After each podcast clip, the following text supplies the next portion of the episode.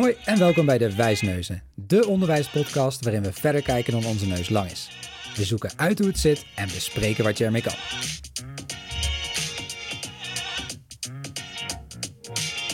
De allereerste vernieuwende wijspodcast. Eindelijk. Eindelijk. Hoe vaak mensen al niet aan ons hebben gevraagd, gaan jullie eigenlijk ook een keer een podcast opnemen? Ja, nou, dit was natuurlijk ook al wel lang een stiekem droom van jou. Ja, eigenlijk wel hè? Ja, nou, leuk in ieder geval dat je luistert naar de eerste aflevering van de Wijsneuzen. Mijn naam is Linda en ik zit hier. Met Wessel. Yes. En Wessel, vertel even een beetje, hoe komt het dat we hier nu zo samen zitten? Nou, volgens mij hebben wij eh, een tijd geleden hebben we het erover gehad van wat zou je nog tof vinden om te doen. En toen kwam toch wel podcast idee naar voren. Ja. En eh, ik luister je eigenlijk veel podcast? Ik, ja, ik ben eh, een fan van podcastluisteraars. Ik hou heel erg van artikelen lezen, maar soms wil je echt even gewoon ehm, niet ergens naar kijken, niks lezen en gewoon lekker luisteren. Ja. Dus kan onderwijs gerelateerd zijn, maar kan ook echt gewoon totaal andere dingen zijn. Ja, Dus ja, leuk. zeker. Jij? Weinig. Eh, ik, en dat komt vooral, ik vind podcasts soms zo lang duren. En dan denk ik, ja, dan, dan heb ik daar de concentratie te weinig voor, denk ik. Je hebt wel een podcast die heet Mand en die is heel kort, zeg maar. Het is echt 30 seconden. Daar hou ik dan soms vrolijk van. Ja. Maar toen dacht ik, dat als we dat nou kunnen doen, maar dan met inhoud, ben ik vrolijk. Nee, maar ik luister zeker wel podcasts, maar ja, inderdaad vaak wel delen daarvan. Ik vind het soms lang duren. Ja. Eh, maar ik vind het idee heel tof. Ik vind het fijn om het ook te kunnen vertellen, want ja, je hebt inderdaad niet altijd zin om te lezen. En eh, we schrijven natuurlijk bij Vernieuwende Wijs wekelijks artikelen. Het zijn soms ook lange artikelen. Eh, nou, volgens mij hadden we het er wel over. Het is ook wel fijn om op een andere manier, via een ander medium eigenlijk, dezelfde inhoud te kunnen brengen. En soms ook alweer net wat andere inhoud te kunnen brengen. Precies, hè? Dus ook te kunnen variëren in hoe we ja, kennis overbrengen eh, en eh, kennis bij mensen kunnen Ja. brengen. Ja. Dus eh, aan iedereen die luistert, eh, nou ja, hopelijk kun je op deze manier ook veel met ons leren over curriculumontwerp, didactiek en toetsing. Hè, waar we veel mee bezig zijn als vernieuwende wijs. Precies. Maar dan via podcast. Ja. En het format wat we hebben, ja, we hebben Ja. eigenlijk bedacht, hè. We gaan Ja. het, eh, we willen ons eigenlijk richten op ongeveer een kwartier. Dat is best kort voor Dat een is toch nog wel een lange mand, maar... Ja, met een lange mand. ja. Ja, nee, maar we hebben bedacht ehm, als format dat we eigenlijk eh, eh, nou, één keer in een paar weken een podcast willen uitbrengen. Wat we daarbij willen doen is dat we altijd een vraag centraal willen zetten, neerzetten en eh, nou, daarop in willen gaan. Eh, maar dan vooral ja, kort maar krachtig. Eigenlijk eh, korte kennisbites. waar je nou, even in de pauze of even tussendoor, terwijl je aan fietsen bent, in ieder geval even goed wat inhoud kunt opnemen. Maar dat je niet meteen onderuitgezakt een uur op de bank hoeft te gaan liggen om te luisteren, zeg maar. Dat idee. Precies, precies. En ook dat het makkelijk deelbaar is. Hè? Dus makkelijk naar collega's kan sturen. hey, weet je nog waar we het over hadden? Ja. Hier kort eventjes eh, wat achtergrondinformatie bijvoorbeeld. Dus dat Ja. eh, leek ons een eh, werkbaar concept. En dan zeker wel diep op de inhoud in dat kwartier. Dat, Precies. dat willen we altijd wel heel graag doen. En ook zeker praktisch in de uitvoering. Dat is ook de andere kant. Dus we zullen proberen in deze podcast iedere keer de, brug te slaan eigenlijk. Hè, tussen theorie en praktijk. Iets wat we doorlopen natuurlijk ook doen met onze artikelen. Om dat hier ook te gaan doen. Precies. Nou, gesproken over. Ja, Zullen we er maar induiken? zullen we gewoon met de inhoud induiken? Lijkt me goed. We hebben maar een kwartier, hè? Ja, precies. Hey, nou, voor deze eerste podcast ehm, hebben we een vraag centraal gesteld. En die vraag luidt: hoe maak je leerlingen en studenten eigenaar van hun leerproces? Nou, een vraag waar jij in bent gedoken. Kan je me even kort introduceren? Ja, wat is het? Ja, kijk, ehm, eigenaarschap is eigenlijk de, de mate waarin leerlingen of studenten verantwoordelijk nemen over hun eigen leerproces. Mhm. Eh, dus dat is eigenlijk wat het is. Eh, en dat vinden we heel belangrijk natuurlijk. Want Ja. eh, we vinden het heel fijn als leerlingen en studenten in het onderwijs nou ja, eigen verantwoordelijkheid nemen, voorover gaan leunen, zelf stappen willen zetten, zelf vragen gaan stellen, zelf om feedback vragen. Nou, en ik durf wel te zeggen dat er, ik denk dat er geen school of opleiding is die niet ergens in hun visie het begrip eigenaarschap heeft staan. hè. Dat is ook een soort magisch containerbegrip, eigenaarschap. Het is Ja. belangrijk. Dus ehm, nou, dat is eigenlijk in de notendop wat, wat het is. Hè? De mate waarin mensen hè, eigenaarschap is verantwoordelijkheid nemen voor je eigen leerproces. Ja, en je, geeft aan, hè, we komen bijna in ieder document van een opleiding of een school wel tegen. Maar waarom vinden we het nou eigenlijk zo belangrijk? Ja, ik, denk, ik denk wat we heel graag eh, willen zien, is dat leerlingen en studenten gemotiveerd zijn. We willen dat ze dingen interessant vinden. We willen dat ze dat, nou, dat, dat voorover leunen. Begrippen die er heel erg tegenaan schuren zijn bijvoorbeeld onder andere metacognitie. We willen dat leerlingen of studenten zelf nadenken over, oh, wat vind ik een, goede stap. Eh, zelfregulatie, dat ook zelf gaan doen, zelfregulerend. Dus zelf nadenken over wat is dan een goede stap, ga ik daar feedback vragen. Eh, En ook daarbij het, het- echt zelfs het sturend. Dus als ik dan vervolgens mezelf een beetje kan reguleren, welke stappen ga ik dan vervolgens nemen? En ik denk dat we allemaal ja, altijd als docent wel de wens natuurlijk hebben. Ja, als je een hele klas vol hebt met leerlingen, dan wel studenten die zelf dat gaan doen, dan ben je vooral ja, aan het ondersteunen in dat leerproces. Dat is ook een hele mooie rol als je dat hebt. Het is niet, denk ik, fijner dan lesgeven aan een groep die denkt: Oh, mag ik alsjeblieft gas geven? Ja, ja, nee, zeker. Nee, en die vraag hè, van mag ik alsjeblieft gas gaan geven, geef mij eigenaarschap, dat is nog best een grote vraag. Ja, ehm, waar ook veel docenten denk ik mee stoeien. ja. Eh, want hoe, ja, hoe bereik je zo'n houding bij, bij leerlingen en studenten? Ja, nou, wisten we dat maar heel makkelijk. het is zo complex. En dat vind ik zo interessant aan eigenaarschap. Mm. Het staat in heel veel visiestukken, dus wat ik net al zei, in heel veel onderdelen. We willen eigenaarschap, en, maar het is zo complex. En eh, die, om die complexiteit een beetje duiden, eh, ga ik even toe naar een model van eh, Conley en French. Conley en French die hebben eigenlijk gezegd, nou, om eigenaarschap te krijgen, zijn eigenlijk vijf componenten. Dus zeg maar vijf ja, eigenschappen van eigenaarschap, zou je kunnen zeggen.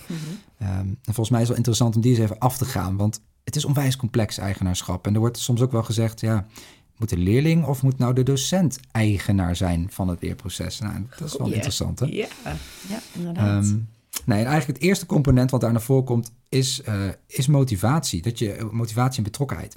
Dus op het moment dat je wil dat een leerling of student eigenaar is, dan moet je zorgen dat er voldoende motivatie is. Dat leerlingen dan wel studenten zich betrokken voelen. Het gaat hen aan. Ze worden getriggerd ergens door. Ja, hey, en, want je zegt dan moet je zorgen dat een student ergens motivatie voor heeft. Kan je daar eigenlijk wel voor zorgen? Ja, goede vraag. Ik denk eh, dat je in ieder geval invloed op hebt, maar ook niet onbeperkt. Kijk, wat je denk kan doen, hè, als het natuurlijk over motivatie gaat en betrokkenheid. Hè, bekende begrippen zijn autonomie, relatie, competentie. Hè, autonomie, in hoeverre is er sprake van keuzevrijheid? Relatie, hoe gaat het onderling, groepsverband, maar ook met jou als docent? Eh, en competentie, spreek je iemand aan op zijn of haar kunnen? Is er genoeg uitdaging? Ja. En ik denk, nou ja, ik denk als je dan kijkt naar eigenaarschap, het is denk ik fijn om de voorwaarden te creëren dat leerlingen op die drie fronten, dus hebben ze genoeg vrijheid, hebben ze voldoende uitdaging, is er een voldoende sociale veiligheid, om het zo maar te noemen. Die, die voorwaarden kun je zo goed mogelijk proberen te creëren. Mhm. Maar ja, ook niet onbeperkt. Maar je kunt wel zeggen inderdaad van er is wat keuzeruimte binnen mijn les. Precies. Wat Ja. keuzeruimte. Waarom groot. zeg je dat zo nadrukkelijk? Nou ja, soms denken we denk ik als het gaat over motivatie dat we het zo opblazen. Hè? Het is meteen natuurlijk heel groot flexuren en groot maken. Want eigenaarschap, we willen leerlingen zelf keuze. Ik denk altijd, ja, ook binnen die les kun je al vaak voldoen naar knopjes draaien. Ja, ja. Dat er nou ja, betrokkenheid is en dat leerlingen voelen, hé, hey, ik heb wat keuzevrijheid. En ik word niet te veel overvraagd in de keuze. Eh, en ik Nee. zit wel in mijn eigen prettige groep. En dat is Ja. ook wel fijn. Dus ook helpen, helpen om keuzes te maken. Ja. Ja, precies. Oké, Dus dat, oké. eh, dus autonomie, belangrijk concept. Ja, een tweede concept wat vaak naar voren komt is ja, heldere doelen eigenlijk. Zodat dat, want op het moment dat je ergens voor gemotiveerd bent, je wil vooroverbuigen, je wil aan de slag, Mhm.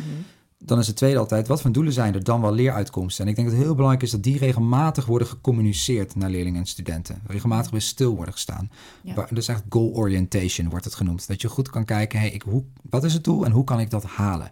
Of wat zijn dan de succescriteria daar eventueel bij? En dat zijn denk ik hele belangrijke aspecten. Dus is een tweede belangrijke pijler voor eigenaarschap. En maakt het dan nog uit of die doelen vanuit die leerling of student zelf komen? Of kunnen het ook doelen zijn, dus gewoon vanuit ja, jou als docent?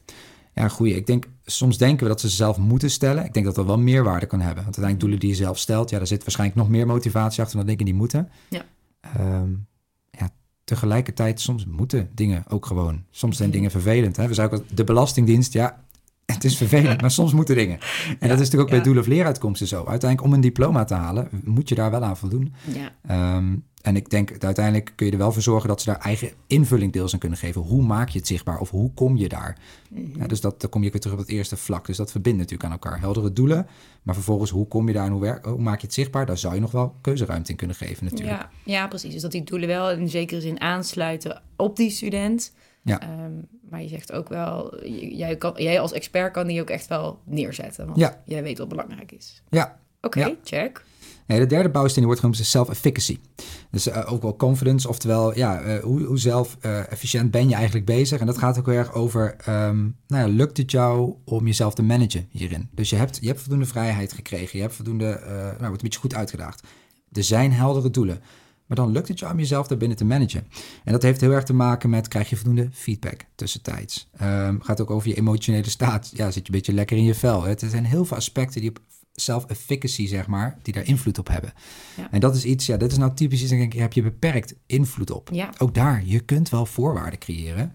Maar ja, als iemand ergens uh, nooit zo goed in is geweest, bijvoorbeeld iets wiskundigs, ja, dan kun je in één keer zeg maar zeggen, je hebt alle vrijheid en heldere doelen. En, maar ja, als je een nare ervaring mee hebt, je hebt het altijd heel moeilijk gevonden en je krijgt niet zoveel feedback, ja, dan zakt ook je self-efficacy en daarmee je eigenaarschap. Dus, ja. dus en zou het dan dus ook, want inderdaad, hier heb je beperkt directe invloed op als docent, denk ik. Maar zou je wel uh, door bijvoorbeeld het scheppen van succeservaringen daar wel op de een of andere manier wel wat invloed op kunnen hebben? Ja, ja dat denk ik wel zeker wel. Goeie, ja. en dat, dat haakt weer op die ervaring inderdaad. Je wil succeservaringen bieden. Dat is wel, eh, je wil kleine stapjes. Nou, de, de zonne van naaste ontwikkeling wordt daarbij ook best wel vaak genoemd. Ja. dat je stap voor stap net boven zijn of haar kunnen uitdaagt. En, nou, vaak binnen een groep zijn er een vaak wel beginners dan wel experts en iets daartussenin. Nou, dat je daar misschien wel een beetje op kan differentiëren zelfs. Dat kan wel helpen het eigenaarschap te vergroten. Ja. Dus dat, uh...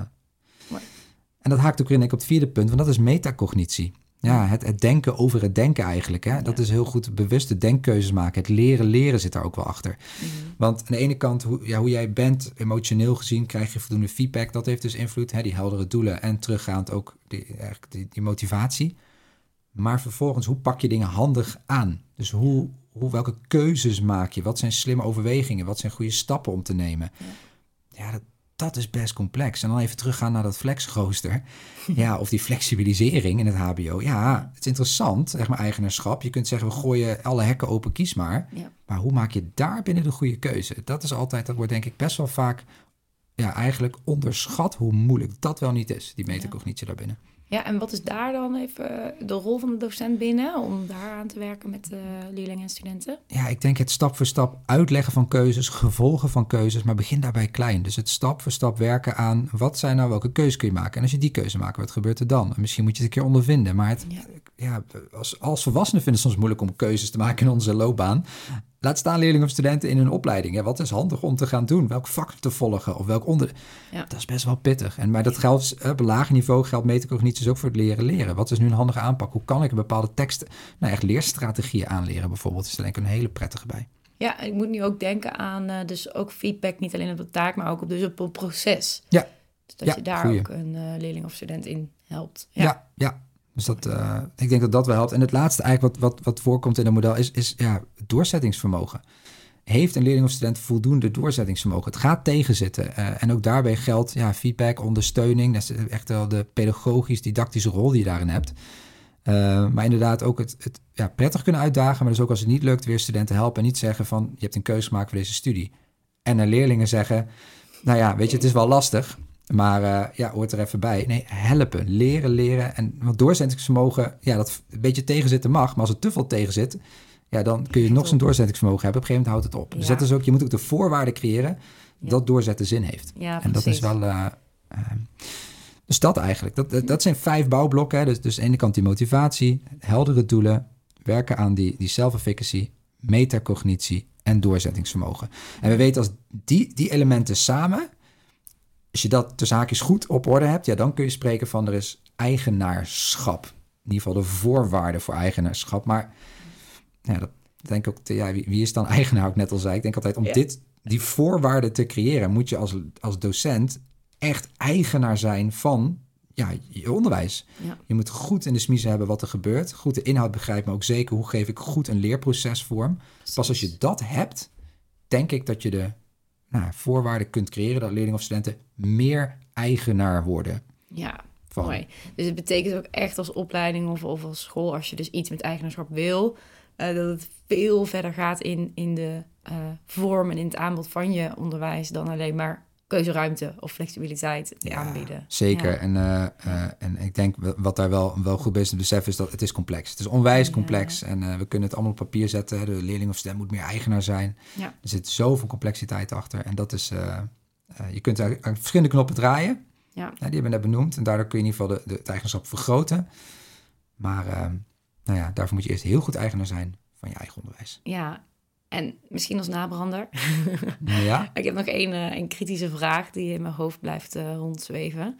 Ja. Um, want natuurlijk zou ik ook graag willen dat mijn leerlingen en studenten eigenaar eh, zijn. Maar wat doet dat nou eigenlijk met ook ja, de dynamiek van een onderwijs als, als zijnde een sociale activiteit? Ja. Het is best mooi, wel focus op, op één persoon namelijk. Ja, we zijn allemaal eigenaar van ons eigen. Ja, klopt. Ja. Individualisme, hè, dat is dan een Ja. begrip. Ja, en dat is natuurlijk wel, denk ik, we moeten samen nou, coöperatief leren. Hè. Dat is daar, denk ik, wel een belangrijk. Ik denk dat we soms inderdaad te veel doorslaan in het soms. Jij moet eigenaar zijn van jouw leerproces. Maar laten we alsjeblieft daarbinnen wel aansturen op hoe doe je dat dan met anderen. En niet inderdaad Ja. iedereen zijn eigen leerroute of je eigen pad. Maar nou, het sociale Nee. cohesie is wel een dingetje, zeg maar. Ja, want anders dan gaan we toe naar zo'n meest efficiënte manier van door je onderwijs heen lopen. Hè?